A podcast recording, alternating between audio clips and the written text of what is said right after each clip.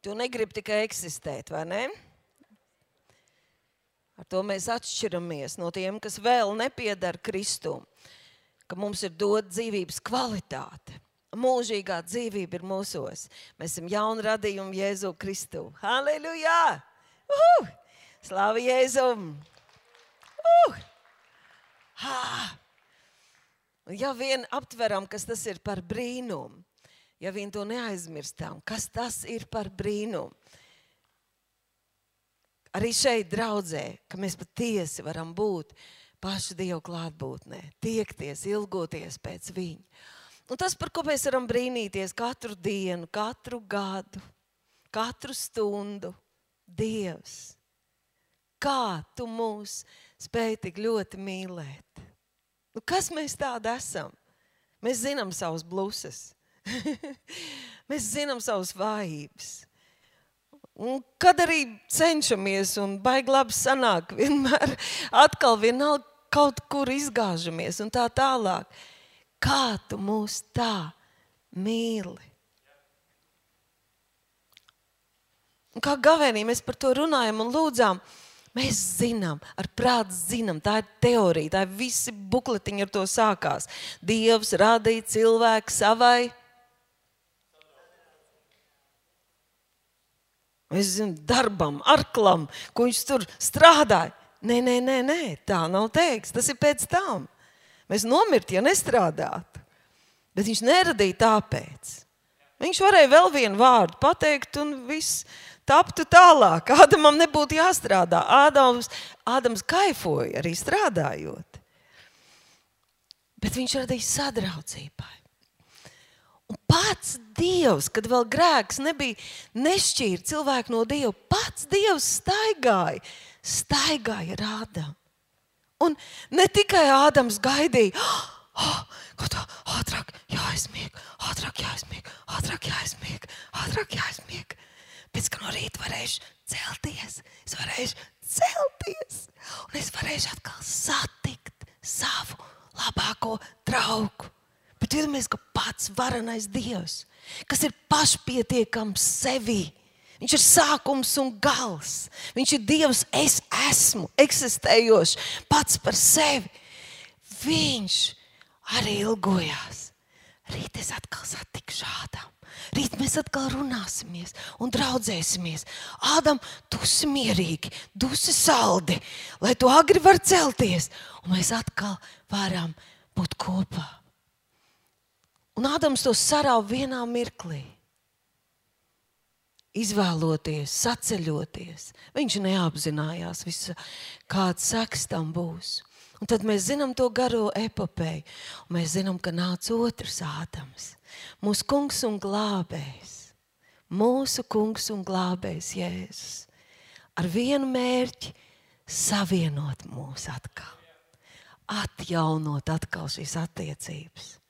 Un tad Dievs caur Pāvila Efes vēstulē raksta, mēs esam aicināti Jēzus Kristus sadraudzībā. Aicināti Jēzus Kristus sadraudzībā. Aicināti sadraudzībā. Un tad var brīnīties par to atklāsmes grāmatu 3.20. Nešķir augšā tur teikts, redzi, Jēzus saka, es stāvu durvju priekšā un klaudzinu.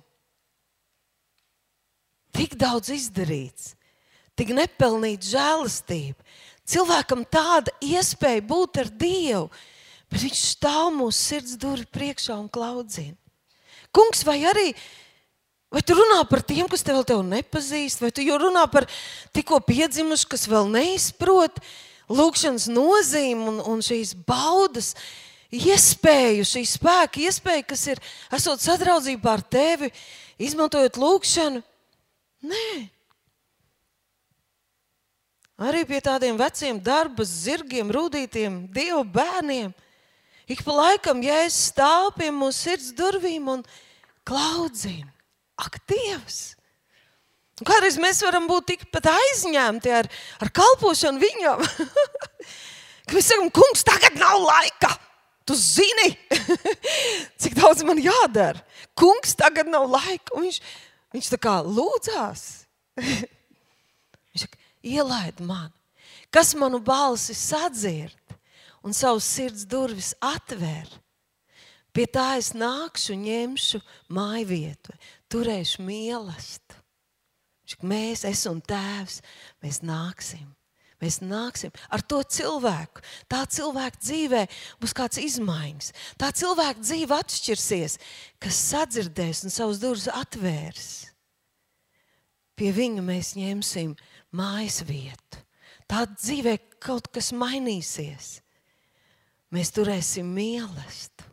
Wow! Ka ebreji tur mīlestību ar saviem tuvākajiem draugiem. Un Jēzus tā grib, viņš saka, atver durvis.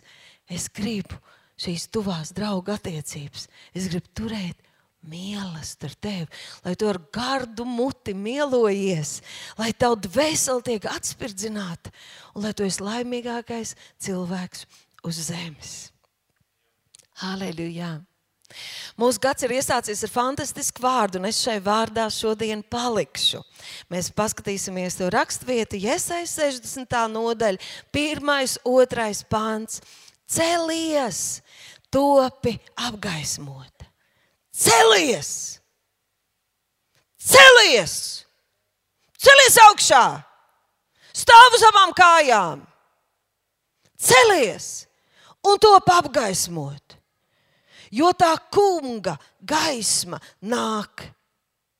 Tava gaisma nāk, un tā kunga godība uzlēc par tevi kā saule no rīta. Celies! Ja tu gribi, lai tā saule aizsniedz arī tevi, celies un ej ārā no savas guļvietas. Celies, ieņem savu pozīciju. Es nevaru neatsaukties jaunā derībā uz Efeziešiem 5.14. Šķiet, ka Pāvils uh, burtiski citē šo te iesaiu.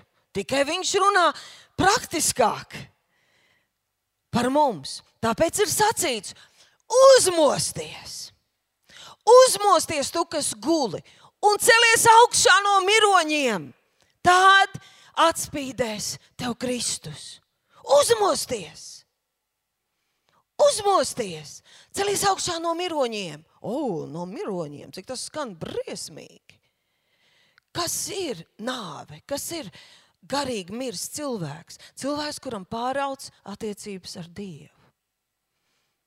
Cilvēks, kurš garīgi neelpo, nedzird, nejūt, neredz, kuram nav svētgara vadība, kuram nav viņa acu, nav šī spēja paklausīt, nav vēlmes paklausīt, tāda flegma, padevies, salūzis, nomiris. Tur ir teikts, celies, mosties, celies augšā no miroņiem. Ko mēs redzam šais rakstu vietās? Mēs redzam, ka te ir kaut kas atkarīgs no manis. Es varu pablisināt acis, kad modinātājs noskan vai ka otrs ceļ, bet atļaušos teikt tā, kā man kāds vīrs kādreiz saka, izsvēmties no gultas. to neviens cits nevar izdarīt. Tas man ir, jā, man, tev ir jādara. Tā ir ticīgā vara, taisnība. Uzties, ir teiks, vēlies tu, celies augšā no miruņiem, tas ir kā sniedzies pēc dieva, lai aktivizētu, lai uh, modinātu sevī alkas, lai koncentrētos uz Dievu, lai virzītos uz viņu, lai modinātu mīlestību, kas kādreiz tev ir bijusi, lai viņa būtu vēl stiprāka, vēl vairāk. Tu un es, mēs to varam izdarīt. Dabiski vecām iesām mums ir tā, Dievs, nu, nāca par mani ar savu spēku, tā apžilbi mani. Jā, izvelc no gultas. Ah, tu nedari, tā tad tu negribi. Okay, es šitāds esmu, nu tā tad, nu tāds es esmu. Meli, viltus, pašapmāns. Celies, mosties, celies augšā no miruņiem tad atspīdēs tev Kristus. Acīm redzot, mums jau ir tik daudz dots. Mēs jau acīm redzot, tik daudz varam. Mūsos ir tik daudz Jēzus. Mūsu gars ir tik ļoti un pilnībā atjaunots, ka mums nav nekāda attaisnojuma būt flegmā. Ļaut bailēm būt pār mums, dzīvot melos, Nav nekāda attaisnojuma. Trešā raksturvieta, kur viņas visas trīs varētu savilkt kopā, Burtiski tā pati doma bija vecā derībā Iesai, jaunā derībā Efeža, un tagad paskatāmies atklāsmes grāmatā. Tieši tā pati doma. Man pret tevi ir tas, ka tu esi atstājis savu pirmo mīlestību. Tad nu pārdomā, no kā tu esi atkritis un atgriezies. Tad es saku, oh! Es zinu, cik tev ir bezgalīgi grūti un sarežģīta dzīve. Tu, tu vienīgais esi tāds, tik komplicēts, tik īpatns, tik dziļš cilvēks. Es, es nākšu un atkal un atkal un atkal tevi samīlēšu. Un samīlēšu vienreiz un otrreiz, un tev nepietiek. Nu, tu, tu pagaidi, nu, te es nākšu vēl. Es sasprindzinās savus mīlestības dziļums un nākšu vēlreiz tevi aplūdināt. Lai tevi pārsteigtu, nē, te nekas tāds nav teikts. Pārdomā, no kā tu esi atkritis un atgriezies, un dari pirmos darbus. Bet, ja nē, es nākšu pie tevis un nostumšu tavu lukturi, lūk, atkal gaisma. Lukturs dod gaismu. Lukturs ir tā kā tā spēks, enerģija, sapratne, redzes skaidrība, kas nāk no Dieva. Es varu pazaudēt savu gaismu, ja necelšos. Es varu palikt tumsā, ja necelšos. Man ir jāceļas, jo es gribu, lai Dievs ved mani tālāk. Un vai gan ne tieši lūkšana, ne tieši būšana Dieva klātbūtnē ir tie viena no tiem spilgtākiem mīlestības darbiem, ko mēs darām, kad mīlam viņu. Ko? Vai kāds var man piekrist? Vai šeit arī, vai celies, nenozīmē sāc lūgt, un vai pirmie mīlestības darbi arī nav? Tiecies, sniedzies, augsti, virzi savus mīlestības, savus alkas, savas ilgas, savas slāpes, virzi uz Dievu. Iemīli to kungu. Lūkšanā ir tik daudz varenības. Viss, kas ir dievam, tu vari saņemt lūkšanā. Lūkšana ir rokas, kas paņem no debesīm. Tam, kas tic un lūdz, nekas nav neiespējams. Lūkšanai nav robežu. Tu vari būt kā misionārs, tu vari lūgt par cilvēkiem dažās, dažādās valstīs un vietās. Tu vari prasīt tautas, tu vari izlūgt savus radus, tu vari aizliegt vēlnam. Tā ir tāda fantastiska pasaule, bet galvenais - lūkšana. Jebkura veida sadraudzība, jebkura veida sad, saruna, mēs esam aicināti būt kopā ar savu glābēju. Un, protams, cilvēks, kurš ir nomodā, nomodas stāvoklis, un atcerieties, ja jūs aicinājāt savus mācekļus, viņš viņus paņēma līdzi ģēdzimāns dārzā. Ne tikai apskaidrošanas kalnā, bet viņš tos trīs arī paņēma līdzi ģēdzimāns dārzā. Man bija jādomā, ak, Dievs, Jēzu, tu nekautrējies viņiem rādīt savu vājumu, tu nekautrējies rādīt, ka tu raudi, ka tu kliedz sāpēs un bailēs. Tu nekautrējies no saviem sekotājiem, un tu lūdz viņiem, lūdzu, lūdziet kopā ar mani. Un tad mēs redzam, ka no bēdām, no sērām, no skumjām arī cilvēki var pārņemt flegma, miegs, arī garīgs miegs. Vietā, kur liekas, hei, man tā kā vajadzēja tieši celties un būt aktīvam, kādreiz mēs ieritinamies embriju pauzā un tā kā, Dievs, es tev uzticos, es, es nevaru, es, es negribu, lai notiek tavs prāts un tā tālāk. Un Jēzus lūdz, un tā, kad viņš nāk atpakaļ, viņš viņus brīdina, esat nomodā. Esat nomodā, lūkšanā, lūkšana un nomodas stāvoklis. Kāpēc? Tāpēc, ka ja tu esi sācis lūgt, ja tev ir pazīstams lūkšanas spēks, ja tev ir pazīstams, ko nozīmē sadarboties ar Dievu, būt Dieva kompanionam, būt Dieva draugam, darboties kopā ar viņu, cīnīties viņa cīņas, tad tu zini, ka tad gan tu jau esi palicis vēlnam bīstams.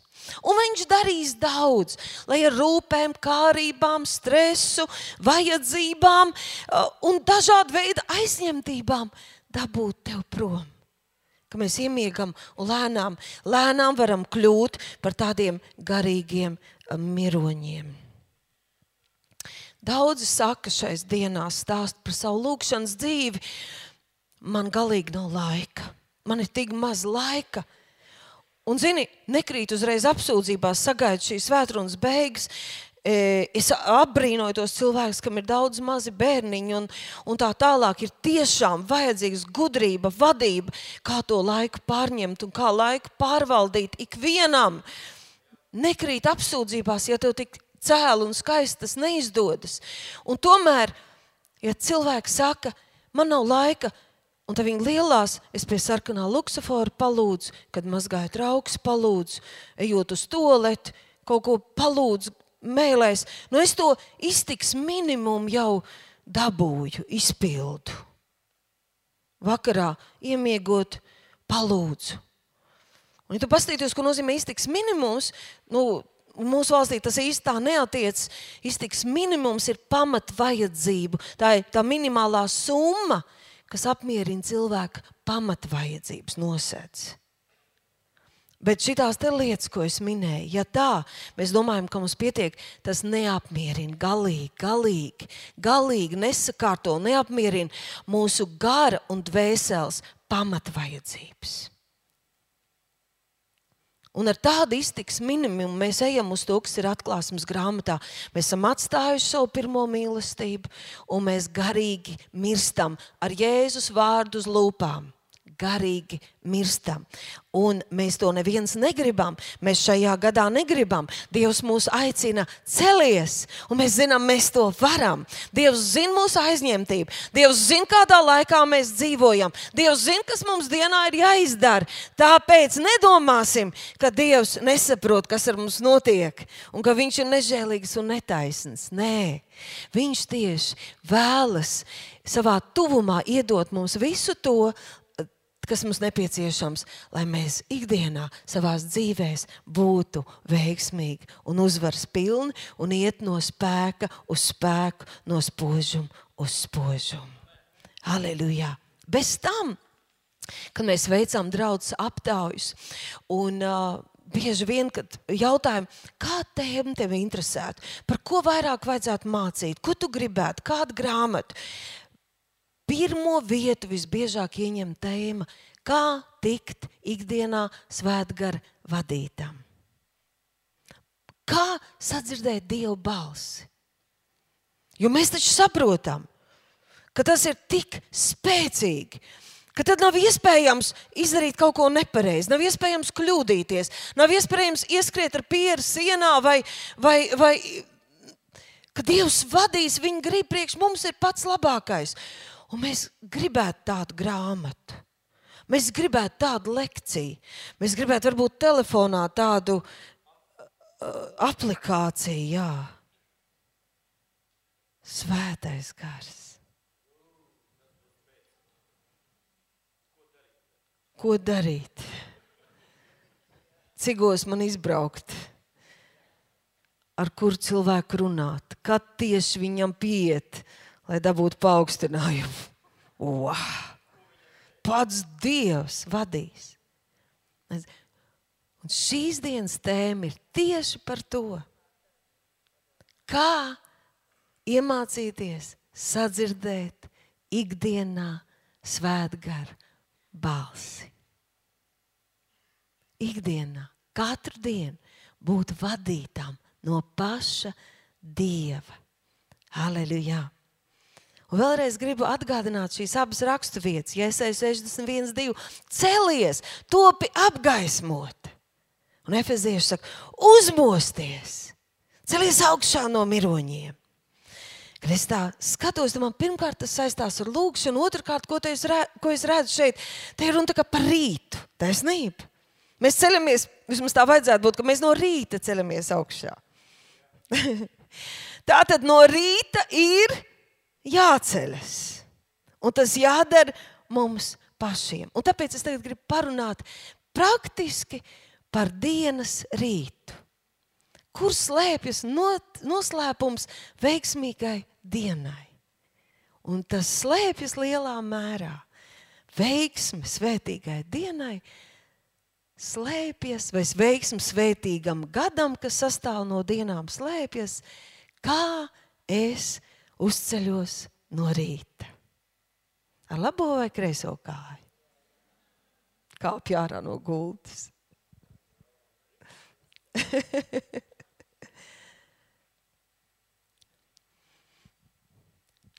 Bībelē mēs redzam, ka Dievs dāvina dāvāns bezgalīgi daudz, un katrs jauns rīts ir viena no šādām bezgalīgi dārgām dāvanām. Cilvēki, kas cieš no lielām sāpēm vai bēdām, vai naktsargi, kā Dāvids sev šeit salīdzina naktsargu, vai tiem, kam naktī jāstrādā un tik ļoti nāk miegs, kaut ko zina, ko nozīmē gaidīt rītu ka no rīta būs vieglāk.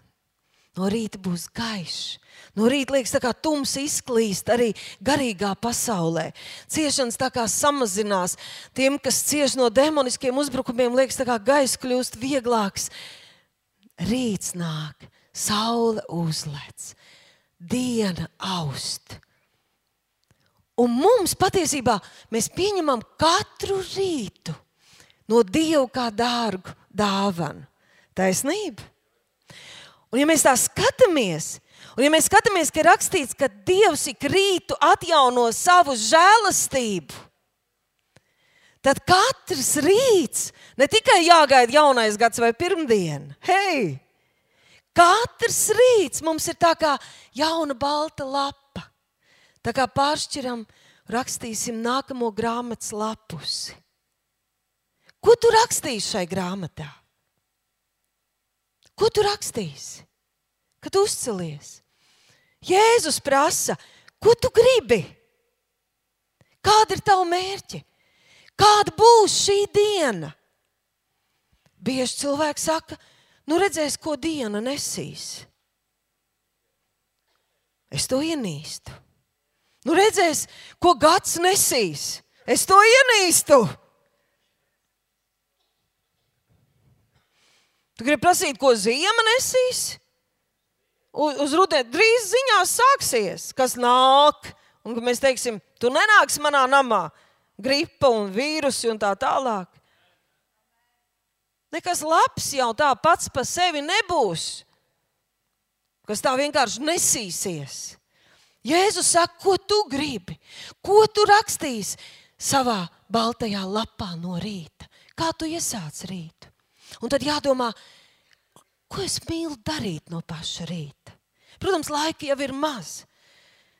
Pulkstenis, tikšķi, diena ir sākusies, un mēs kaut kur apzināmies visu to, kas pa dienu būs jāizdara. Un tomēr mums ir kaut kādas mīļās lietas no rīta. Kādam obligāti dušs, kādam viņš vienkārši kādreiz filmās rādīja, viņš aizmidzis uz ka, kafiju, kur smaržo, skrien pēc kafijas tases. Ja? Kādam vēl kaut kas. Dāvids no rītiem, tā kā Ādams. Oh, rīts, rīts, ui, vēl jāpaguļ, vēl ne. Tagad, tagad var celties. Te ir teikts, ka viņš, mana dvēsele, viņa dvēsele, augsto kungu kā rīta gaismu. Viņš sev salīdzina šur un tur par, nac, par tā, sevi kā nāc, ka viņš tā gaida to kungu kā rīta ausma kā gaisma. Es tā ilgojos pēc viņa. Es nevaru, man atkal vajag, man, es ilgojos to brīdi būt viņa klātbūtnē. Viņš to ir attīstījis savā dzīvē. Viņš tam ir veltījis savu laiku. Viņš ir apzināti virzījis savas ilgas. Atklāsmes grāmatā Jēzus arī tiek nosaukts par spožo rīta zvaigzni.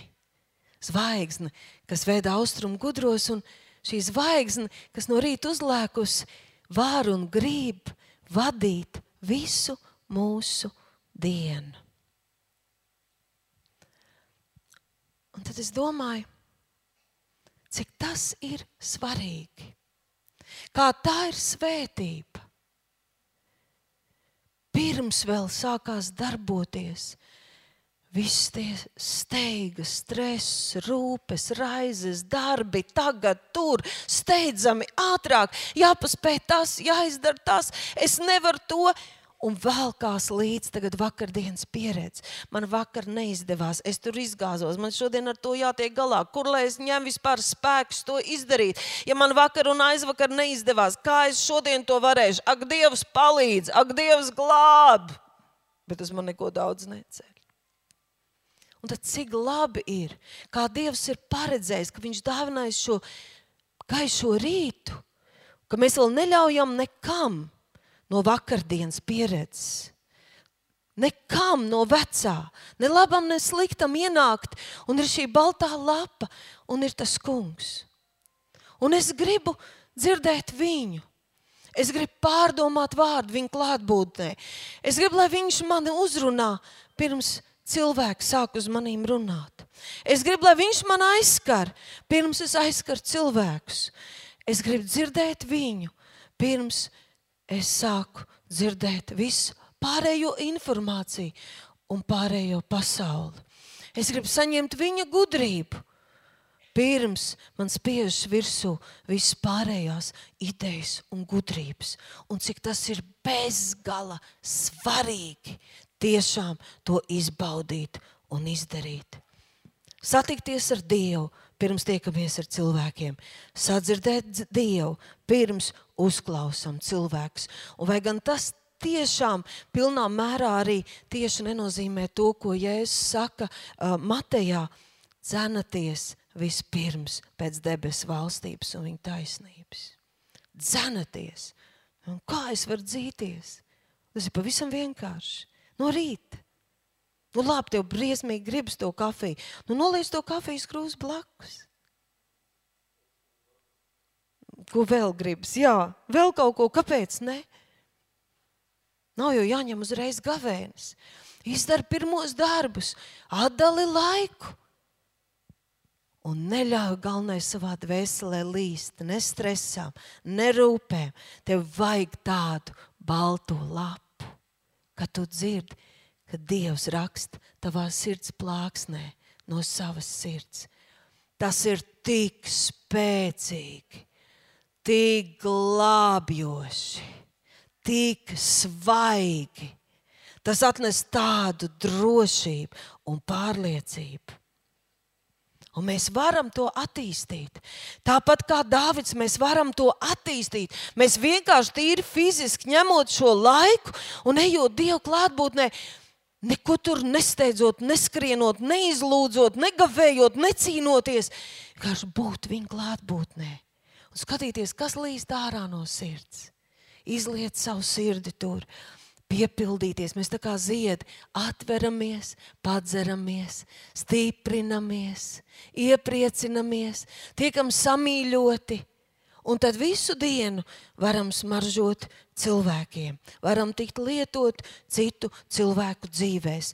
Un te tad nu var sākt runāt par iztiks minimumu. Te var sākt runāt par iztiks minimumu. Lai pēc tam vienkārši lūgtu garāku brīdi un izmantot katru brīdi, lai apzināti būtu saslēgti ar Dievu.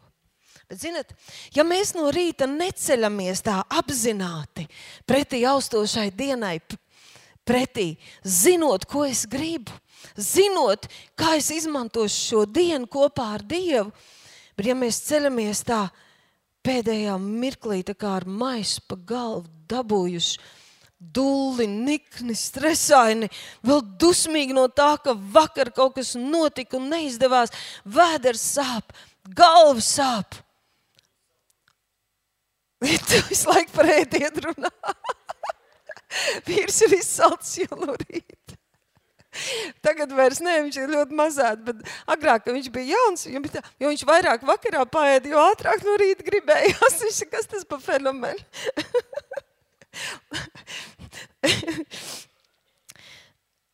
tā. Ja mēs pieceļamies tādi, un tad padomājiet, un mēs ļaujam, lai mums gāžami, gāžās momentāli virsū jau viss tā gūzma.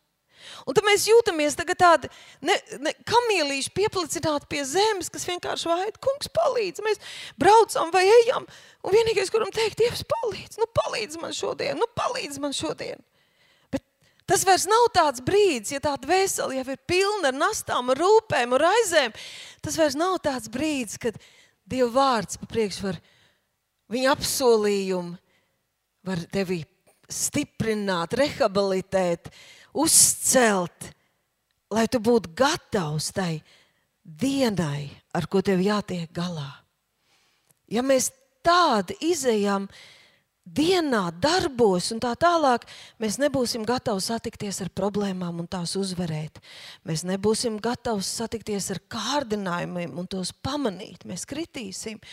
Mēs ļausim visam iet savu gaitu un atkal domāsim, gribēju kā labāk, sanāca. Bet Dievs grib, lai mēs esam sagatavoti katrai jaunai dienai. Pilna miera, apģērbti ar bruņojumu, dzirdīgām gara ausīm, jūtīgi sirdi, svētā gara vadīti. Tāpēc ir tik bezgalīgi svarīgi, kā mēs iesākam dienu. Pastāv tāds vienkārši arī fizisks likums, dabisks likums. Un tas ir teikts romiešiem 11, 16. Ja pirmais guvums ir svēts, tad arī visa mīkla. Ja sakne svēta, tad arī zāri. Ko tas nozīmē? Iesāc savu dienu pareizi, un visu dienu būs laba.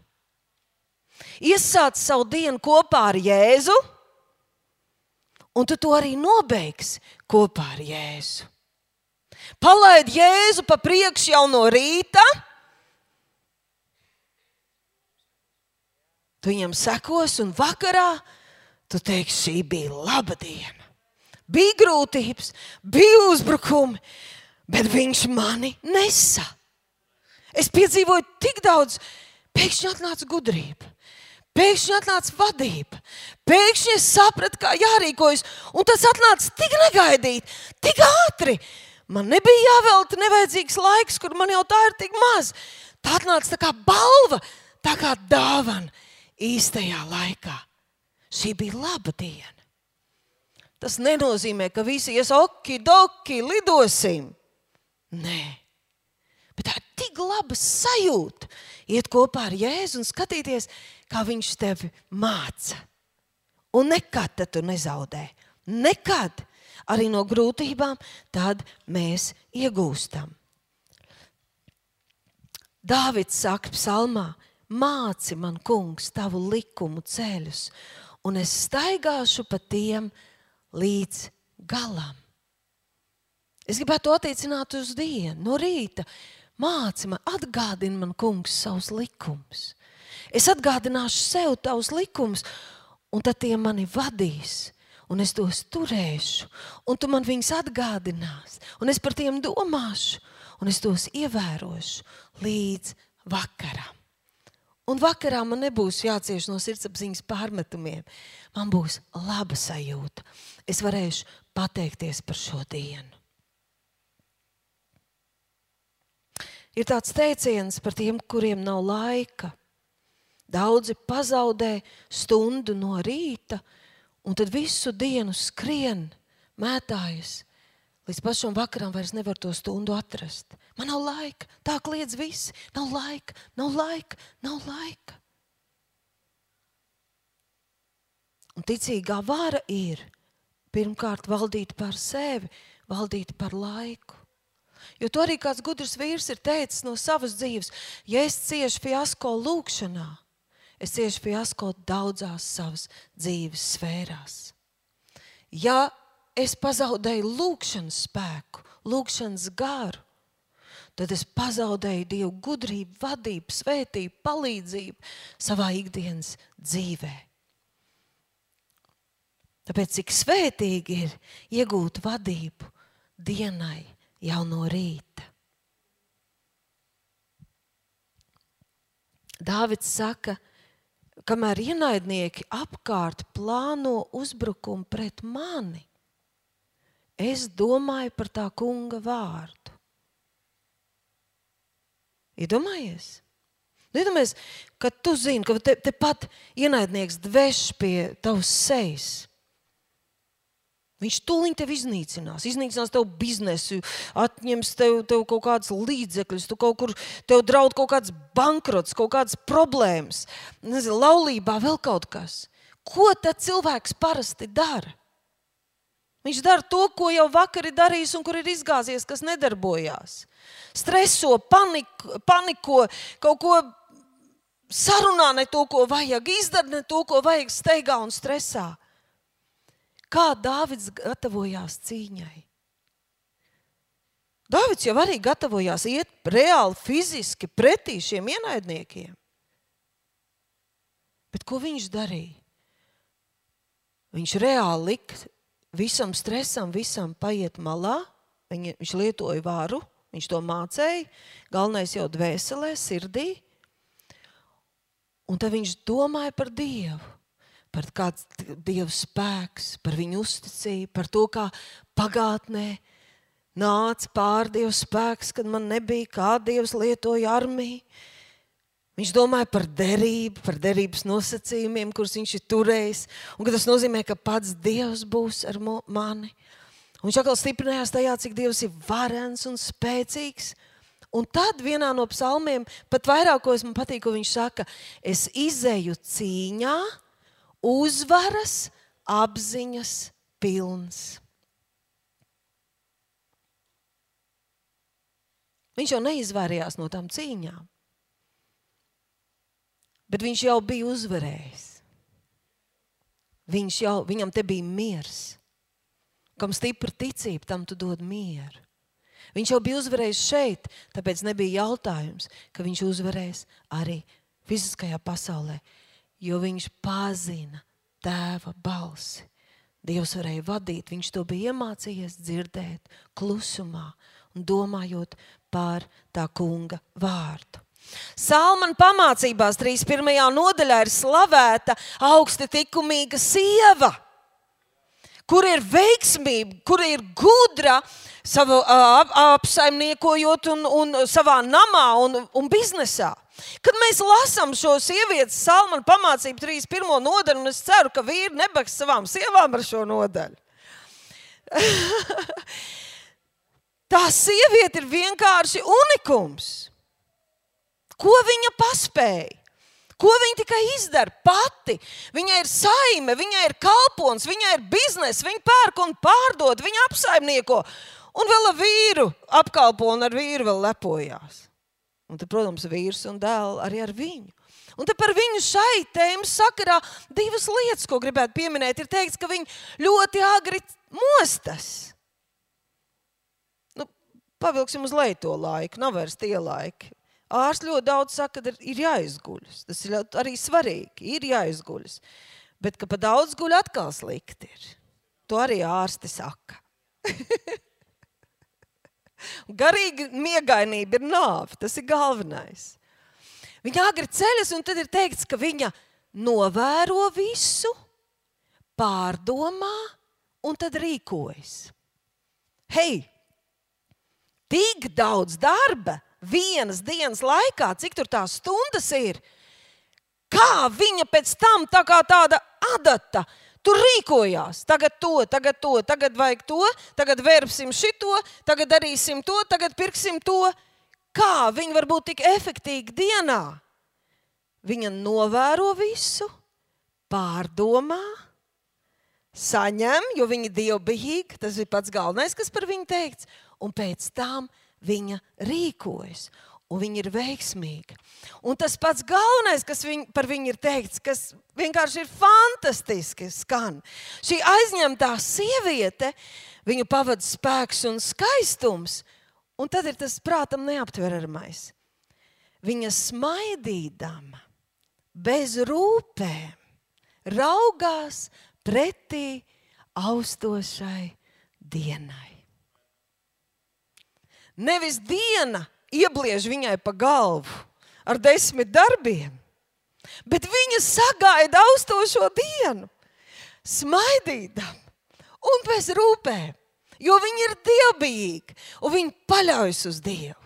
Viņa ir bijusi viņa klātbūtnē, saņēmusi gudrību, mieru, vadību, spēku. Un viņi saka, nāc, nu, dieniņa. Es tevi apsaimniekošu, es tevi izmantošu, un es pavairošu tevi. Un kad būs vakars pienācis, manā dzīvē būs augļi. Halleluja! Izlaidīšu to pašu galveno, nu labi, neizlaidīšu, bet pieminēšu. jo tas ir daudz. Tā ir, tēma. tā ir vesela tēma. Mēs varam Abrahāms, Mozus, Enoks, Dāvids, Daniels, ievērojis mīnu vīrus. Viņa pat lielākais dārgums bija. Un vecā derībā rīta upurs pienesa. Ik, ikdienas, konkrētā ritmā, kārtībā, lūkšana pirmajā vietā, upurtam kungam attiecības ar Dievu pirmajā vietā.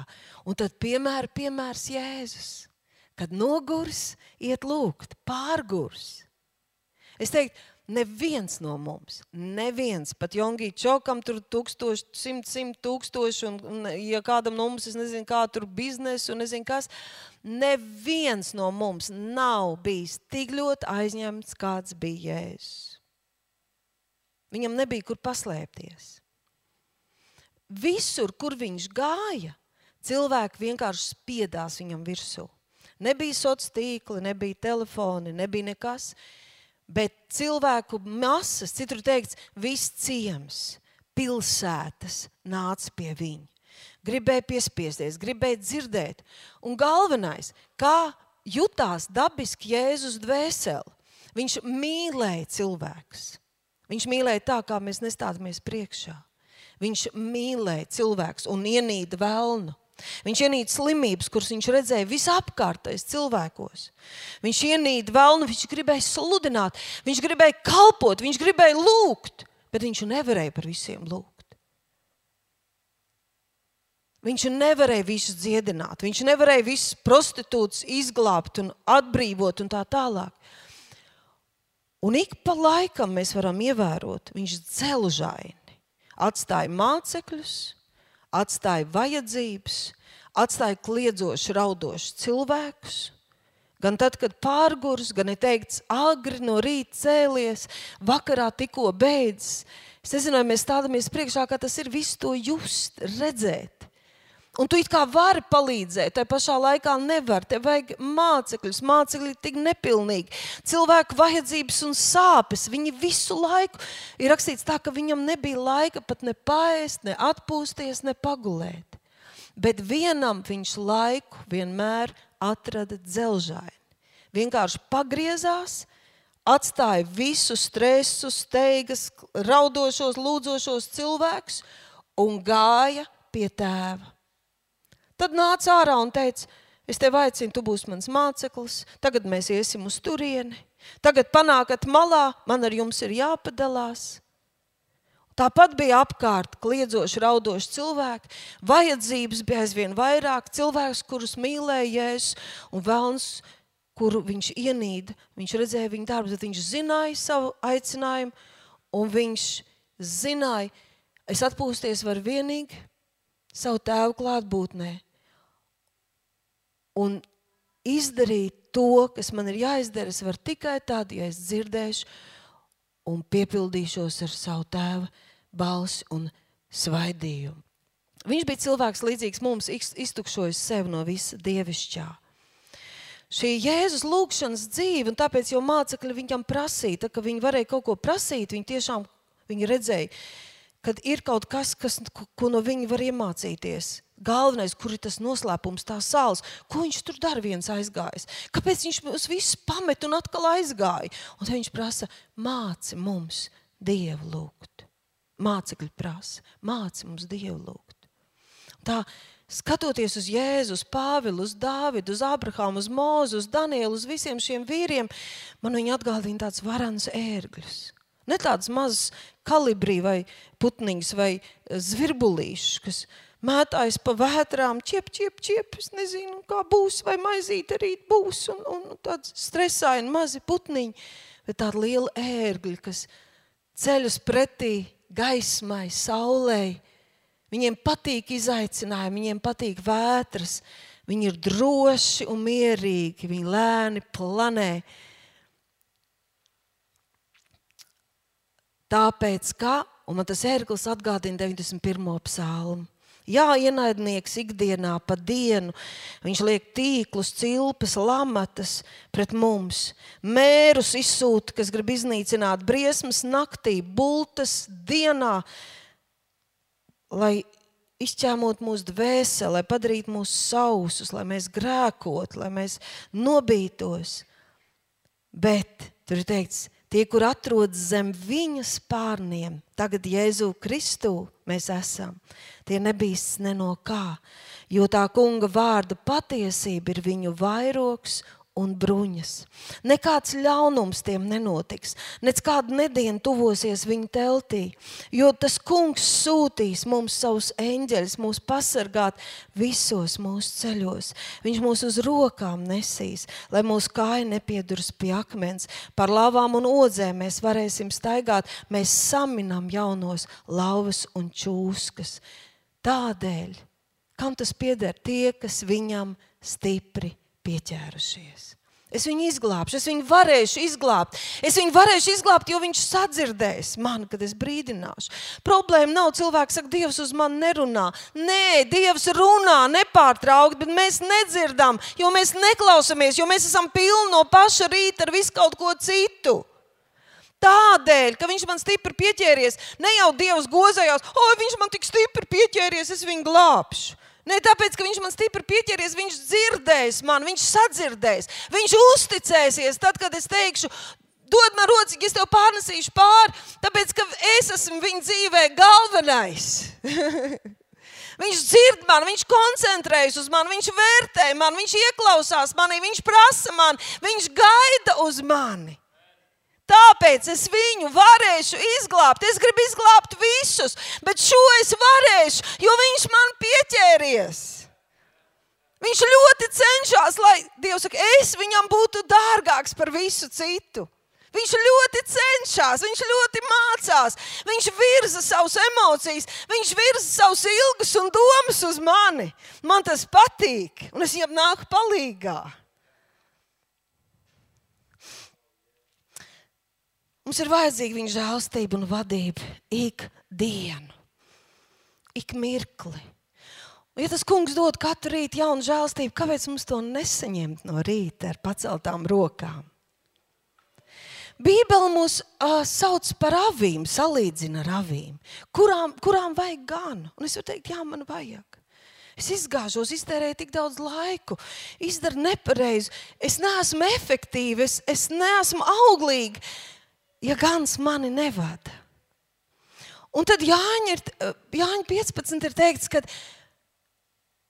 gans saka, manas avis dzird manu balsi, pazīst manu balsi. Svešām viņas nesako. Es pamodinu viņus, un tad es eju pa priekšu, un viņas man seko. Viņas man saka, es viņas gribu vadīt, bet ir svarīgi, lai viņas man seko. Kas notiek ar avīm, kuras nedzird, kad sauc, ka jāceļas un, un neseko? Kad Dievs vadīja Izraēlu tautu, bija uguns stāps naktī un, un mākoņu stāps dienā. Un tas mākoņu stāps dienā parādījās agri no rīta, un cilvēks skatījās, ka viņš parādījās, viņa ātri krāmēja lietas, tauta cēlās un visu dienu sekoja tam stabam. Tas stabs vadīja. Kā mācītājs pagājušajā reizē teica, tas bija nu, jēzus godība. Tā bija. Patiesībā jēzus vadīja Izraēlu tautu. Kas notika ar tiem cilvēkiem, kas necēlās? Kas palika guļus, kas neskatījās? Vai tas mākoņu stāps ceļas vai iet, kas nesakoja, kur viņi palika? Interesanti, ka psalmā, vienā no psalmā, psalmiem, kad Sauls vajā Dāvidu, Dāvids lūdz, viņš kliedz uz Dievu un paklausies. izglāb mani. Es esmu saīsinājusi. Tas viss psalms ir divreiz atkārtojis šī doma, tur vienā psalmā. Izglāb mani no ļaundariem. Palīdzi man pret asinskāriem cilvēkiem, mans stiprums, uz tevi es gaidu. Mans dievs man bagātīgi parāda žēlastību. Tad, viņš runā par to, kāds ir dievs. Dievs man liek ar prieku uzlūkot ienaidnieks. Dieva gars jau viņu stiprina un ceļ. Un tagad skaties, ko viņš saka par ienaidniekiem. Ik vakaru viņi atnāk un kauts kā suņi un apskraida pilsētu. Klīst apkārt pēc ēsmas un kurn kad nav pēduši. Un zini, ko es te ieraugu? Es te ieraugu, ka tā jūtas arī kristiešu cilvēku dvēseli vakarā, ja diena, sākot no rīta, ir nodzīvota bez dieva. Uz vakaru, kad satums ir sevišķi ziemā, kad tumšs, daudz cilvēku piedzīvo tā kā, nu, negribas lietot to vārdu, tā kā noslēdz uz depresiju, uz tādu ir, ir kas saka, viņiem nāk tā kā bailes, tā kā nedrošība, visādas tumšas domas, tā kā tā tumsa sabiezēja kā arī dvēselē. Un tad varētu teikt, ka demoniskā pasaule, viņa, kā, viņa nāk vakaros kaut kā suņi, apskraida pilsētu, klīst pēc ēsmas, kur ka nav pēduši. Kur uztraucās, zūdās un kaut kas tāds pārņem Tāds var pārņemt arī kristieti. Nedrošība, dusmas, bailes, tumsa. Un tāds tu aizēji gulēt. Nu, varbūt palūdzis. Un tāds tad tu no rīta celies. Ak, Dievs! Un tagad viss tās problēmas, tagad tev ir atmiņa no vakardienas, ka tā tā diena beidzās. Labi, rīts ir gaišs, saulīt spīd, bišķiņ, te putniņš čivina. Bet viss tā negatīvā pieredze, viņa te pat vien ir. Un jo diena kļūst smagāka darbos un neveiksmēs, jo tā tumsa, jo tie suņi, kas skraida, kliedz un grib ēst, viņi atkal tevi pārņem. Un tad šeit tu vairs nedabū apakaļ pestīšanas prieku. Tu vairs nedabū atpakaļ lūgšanas gāru. Tavs dvēseli paliek aizvien smagāk un smagāk. Bet Dāvids tur pat tālāk. Bet es dziedāšu par tavu stiprumu, gavilēdams ik rītu un paļausos uz tavu žēlastību. Hei! Man nepatīk tāda vakara. Es negribu tādas vakaras, es negribu arī tādu dzīves norietu. Es negribu tādu nav problēmās, tāpēc es dziedāšu par tevi ik rītu, gavilēdams par tavu stiprumu. Es sludināšu tavu žēlastību, jo tu esi mans patvērums un tu esi paspārns bēdu laikā. Un tagad mēs ejam uz nobeigumu, tādu kopējo. Tātad pirmkārt, dziedi slavas dziesmas no rīta. Ja tev pašam nu nevar nevienu pēkšņi atcerēties, Valters un, un Dārvids visi parūpējuši, ka YouTube ir pilns arī latviešu valodā ar mūsu draugu slavēšanas dziesmām. Nopērts CD, mums ir DVD paņem savā istabiņā no rīta. Saka, čau, Valter, tu man šorīt, mēs kopā ar tevi duetā, un vēl koris, viss prieka vēst, koris bija manā istabā, un mēs kopā slavējām to kungu. Mārtu spēlēja forši Andrei, vēl spēcīgāk bungas.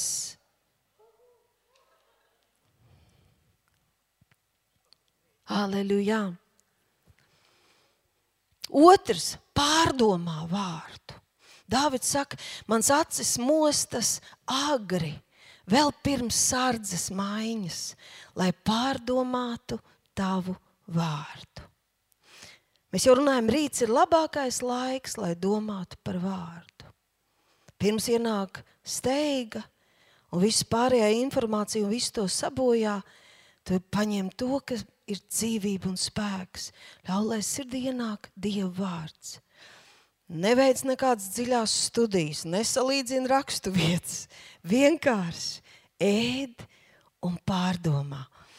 Man tie arī ļoti patīk, pat arī tās mazās grāmatiņas, arī pat vakarā vienkārši. Nu, tās, kas ir, mēs viņus uztaisīsim šonadēļ arī otrs un, un atjaunosim tās pirmās, un tagad būs atkal bībeles lasīšanas plāns jauns palīgā. Uh, Kādreiz tā ir tikai viena raksturvieta, bet nu, mums ir mūsu tas plāns, ko mēs lasām. Un tad pēkšņi tev ļoti, ļoti sagribas kaut ko uzšķirt un apēst. Taisnība. Un svētais gars zina, kas tev šodien ir vajadzīgs. Tad paklaus un apēd to apsolījumu. Un ļauj, lai acis padomā, pastāv tur pie tā. Un tad tu, turpat tev ir pieraksts blociņš, jo, jo it sevišķi sākumā, tad, kad tu nodalīsi laiku lūkšanai, tavu miesa uzsāks cīņu. Ir rakstīts, ka viņa nespēja, viņa negrib, viņai nepatīk. Viņa pēkšņi sāks kliegt, viņa tev klieks, pietiek, pietiek, ne tik ilgi. Tev jāsteidzās, prāts tev pēkšņi atgādinās, tev jādara tas, tas, tas. tas. O, paldies Dievam, ka es lūdzu, es tagad atceros vēl, vēl to, to, to, es tiem apsolīju to. Tagad, tāpēc labi ir pielikt ka tev blakus ir blociņš, lapa, arī kad Dievs runā, var aizmirsties. Bet tad tu esi viņa klātbūtnē. Nav vajadzīgs ilgs šis laiks, bet kvalitatīvs, kur nav stresa, nav viss tā iekšā.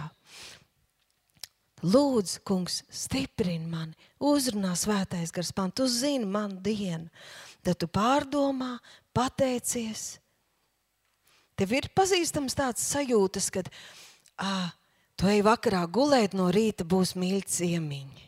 Tādi ilgi, ilgi gaidīti. Viņi atbrauks un dāvanas būs. Tu sev vari tā vakarā noskaņot. Es gribu ātrāk pamosties. Jā, man jāuzliek tas laiciņš mazliet ātrāk. Es gribu ātrāk pamosties, jo man būs vissuperīgākā tikšanās. Halleluja! Mēs varam sevi attīstīt šīs ilgas, mēs par to domājam. Iedomājieties, tas kungs, viņš no rīta grib atjaunot žēlastību, viņš zina, kas tev vajadzīgs, viņš ir sagatavojis šīs labās lietas. Un mums nebija laika. Mēs tikai novaidamies. Kungs svētī, kungs palīdz. Piedod. Salmāna pamācības 8,17 saka, es gudrība saka, es mīlu tos, kas mani mīl, un tos, kas mani laikus meklē, mani arī atrod. Tad, kad jau viss notiek, kad ir stress, pienākumi un tu pie luksafora kliedz uz Dievu, tad diezgan grūti ir atnākt gudrībai, ja nav šī bāze apakšā. Tad nākamais tātad pārdomā, lasi un lūdz. Pārlasi, atkal lūdz kaut kādu mazu mīļu daļiņu, kas tev ir tajā dienai, un pateicies. Pieņem kāds lēmums, un tad atkal lūdz, pierakstos, atkal lūdz un pateicies. Pārlasi, ko jau bija apsolījis un norunājis ar Dievu, jo savādāk tev aizmirsīsies. Pārdomā tos un atkal lūdz un pateicies atzīsties kļūdās, ka neesi to turējis, bet pateicies, ka Dievs ir ar tevi un Viņš tev palīdzēs. Ka tu iegūsti jaunu atklāsmi, pierakst to, un tad to runā vairākas reizes un slavē un pateicies, un tā ienāks tavā sirdī, pārņems tevi un būvēs tevi, cels tevi. Pateicies, no rīta par Jēzus asinīm, par viņa apsardzību, nodod savus locekļus un mēlu par taisnības ieročiem tam kungam. Ticībā apģērbies ar visiem dieva ieročiem, apliecina, kas tu esi un kas tev pieder. Kristu Jēzu. Apliecini, ka tu mīli viņu vairāk par visu un uztic sevi un savu dzīvi viņa rokās un viņa vadībai. Uztic visus savus pienākumus un rūpes tam kungam. Uztic visu, kas grib nospiest tavu sirdi. Ļoti bieži mēs aizvien vairāk aizvaramies un zaudējam lūgšanas garu no tā, ka mēs tā kā izlemjam, vai šito ir vērts prasīt Dievam vai nē. Bet ir rakstīts visu savu zudīšanos, katru sīkumiņu. Un rīts ir tik fantastisks, tā mierā, ka tu kā domās, izēj, ka tu esi izgājis cauri kas, tās citas lietas, tad tu izēj cauri tai dienai, un tur kaut kādas lietas, kādas saruna, kāda tikšanās, kaut kas, kaut kāda lieta, par kā cilvēki nospiež tavu sirdi. Tev nav laiks to visu izlūgt, kamēr tev atnāk dziļš miers. Bet tu vienkārši atnes ar pateicību. Tu atnes to, tu, tu kā atnes Dievu priekšā ar pateicību, atnes Dievu priekšā ar pateicību. Cilvēki, kas to nedara, viņas lēnām sāk žņaukt rūpes un raizes. Un, zini, viņi tās rūpes un raizes nes uz citiem. Viņi nerunā daudz ar Dievu, viņi sāk daudz runāt ar citiem. Žēloties, stāstīt, vaidēt, pārdzīvot. Cilvēki, kas atnes to visu smagumu Dievu priekšā un uztic Dievam, viņi mazāk par to runās. Viņi negribēs par to. Tas ir uzticēts. Un tu zini, kas tā ir par laimi pēc tam vakarā. Pirmkārt, jau dienā just, o, tagad ir šī situācija, un kungs, tu esi ar mani.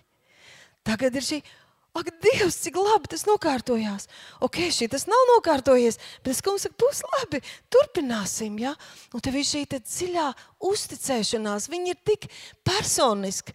Tu esi kopā ar savu lielo, vareno, labāko draugu. Un vakarā tev vairs nevajag daudz. Tu atskaties uz dienu, tu pārēji pār tiem notikumiem, un tu vari teikt, Paldies, Tev, Kungs! Paldies, Tev, Kungs!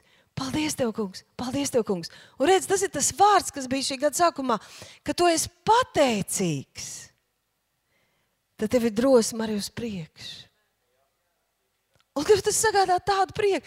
Varbūt sīka lietiņa, es sāktu savā, stāstīt par savām sīkām lietiņām, kādreiz līdz humoram. Tā, ka elpa aizraujās, tu ieraugi un tēvs, nu, Kā tas ir iespējams, ka tas nokārtojās? Es tikai nodvesos, es to rūpīgi tikai izdvesu tev. Un tu vienkārši tādu žiks, nu nevienmēr jau tā uzreiz un tā tālāk, un tomēr.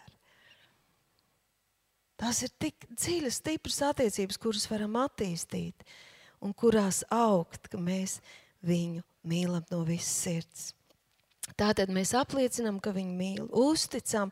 Viss nedomā, šitas, šitās, šitos lielos es uzticēšu, šitās mazās nē. Uztic visu, izrunā visu, izstāsti, izraudi, atzīsties. Tavs vecākais brālis, kungs, ja es tevi saprotu, tad pateicies par visiem svētajiem, par deksmi un slāpēm ikvienam pēc dieva. Ir tik sāli to darīt. Atrast garīgs slāpes par Latviju, par saviem darba biedriem, draugiem, radiem. Lūdzu, lai var būt par svētību cilvēkiem, lai neredz cilvēks tikai kā stābus, bet redz viņus un viņu vajadzības ar Jēzus sirdi. Pateicies par svēto garu, kurš tev vadīs un lietos, ka tu dzirdēsi viņa balsi un paklausīsi.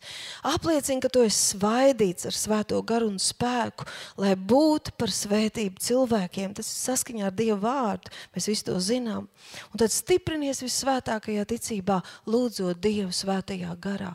Nevienmēr visu tā un tieši tā. Mums katram, mēs katrs esam īpašs zieds un tomēr. Un tad atceramies, ka uh, nekrīt apsūdzībās. Es zinu, ka ir cilvēki, kur tiešām saka, uh, man stundu jābrauc ar vilcienu, un es daudz lasu un pierakstu, un, un es varu sēdēt un darboties. Un tu zini to laiku, ko tev tiešām vajag viens pret vienu mājās, jo tu nevari apliecināt, tu nevari pasludināt austošajai dienai lietas vilcienā skaļi. Un domās tas nedarbojas, tev vajag ar savu mutu apliecināt. Ir lūkšana, ka tev ir jārunā vismaz pusbalsī, tev ir jāpavēl, tev, tev ir tā kā tu atraisi dienu, tu atraisi lietas, kam dienā jānotiek, to tu nevari izdarīt vilcienā vai sabiedriskā transportā. Un tomēr es atceros, kā viena sieva liecināja par savu vīru, vīrs ir tik bezgalīgi laimīgs, viņš vairs nebrauc ar mašīnu mašīnu, viņš brauc ar trolēbus no rīta. Un trolēbus ir diezgan tukšs, un viņš atkal no rīta lasa vārdu. Viņš sēžot un visu to ceļu, tā kā agrāk, pirms bija precējies, lasa vārdu. Un tā sieva saka, vīrs ir tā izmainījies. Viņš ir palicis tik priecīgs, tik drošs, tik mīlošs, tāpēc ka viņš piepilda savu sirdi ar vārdu miesas žēlosies, čīkstēs, tev ir jārēķinās. Ja tu to gribi vairāk, vienkārši rēķinies, ka tev būs cīņa ar savu miesu. Vienkārši rēķinies. Un nepārdzīvo, neapsūdz sevi, ka tev nevienmēr un ne katru kādreiz ir jāsāp galva, un tā jau neesi izgulējies un nesanāk. Un varbūt tev kādu laiku vēl tā īsti nesanāks, bet es gribēju, un tas kungs gribēja, lai tu zini, ka viņš gaida tevi no rīta. Es vienkārši to zinu, ka viņš tevi no rīta gaida. Un tas ir labākais laiks, kad satikties. Un tad nobeidzot, Tātad ir svarīgi ne tikai vai tu izkāp no gultas, bet ir bezgalīgi svarīgi, un par to bija šodien vārds. Ir bezgalīgi svarīgi, kā tu izkāp no gultas. Kā? Kā vai tu raugies ar drosmi un mieru pretī austošajai dienai? Kurš noteiks, kāda būs tava diena? vai sajūtas, vakardienas pieredze, problēmas. Kurš noteiks, kāda būs man, kas būs rakstīts manās baltajās lapās šodien? Vāra pieder man, izvēle pieder man, tiesības pieder man. Es to nosaku. Es tu to nosaku. Tu izvēlies, kāda būs tava diena. Tu izvēlies, ko tu gribi no šīs dienas. Tu izvēlies, kāds tu gribi būt šajā dienā. Mēs nevaram izmainīt visu apstākļus, bet mēs varam izmainīt sevi un to, kas notiek mūsos, un to, kā mēs reaģējam uz apstākļiem. Un tas ir bezgala daudz. Aleluja! Ņem iniciatīvu, sākot dienu. Hei, tu esi šeit! Ņem iniciatīvu! Mana diena, mana dāvana, nevienam neatdošu Jēzus ir kungs. Šī ir brīnumaina diena. Šī ir diena kopā ar to kungu. Ja vakar tas bija neiespējams, šodien tas ir iespējams. Šī ir jauna žēlastības diena. Vakar es krītu un kļūdījos. Šodien tas kungs man palīdzēs. Halleluja! Es šodien vēl vairāk mīlēšu, vēl vairāk un tā no spožuma uz spožumu. Es nevelkos vienkārši ārā no gultas. Es ceļos ar visu savu iekšējo būtību pretī Dievam. Jauna diena. Halleluja! Tas kungs man kaut ko labu ir sagatavojis. Ja es nelietoju varu, vara tiek lietot no ienaidnieka puses pret mani. Ja es nenosaku, kas šai dienā būs, un es gaidu, ko diena nesīs, tad ienaidnieks var atnest lietas, ko tu negribi un kas tev nav vajadzīgs.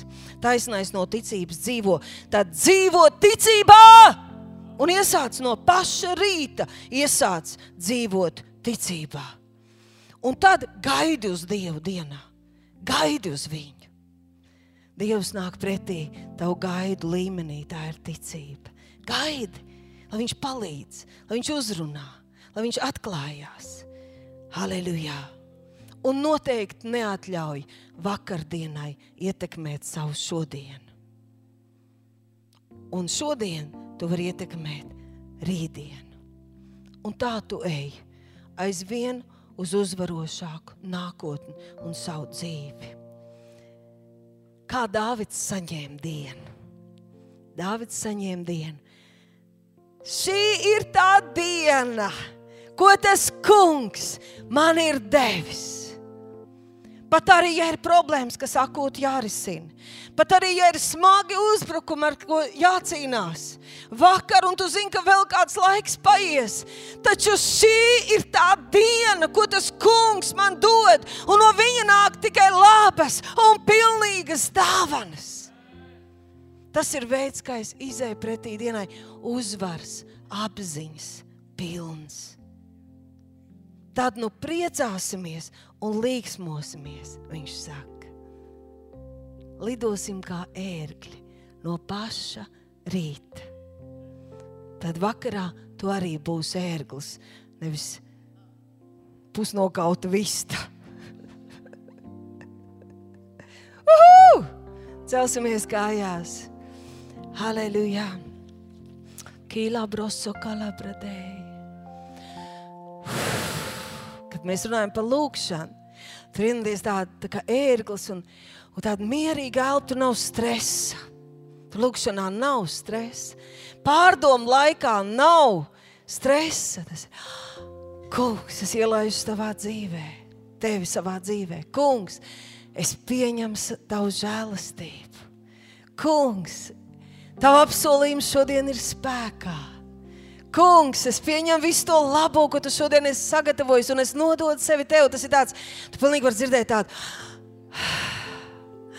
Tā kā mūsu lugā izrādē bija šī mierīgā elpa, ja?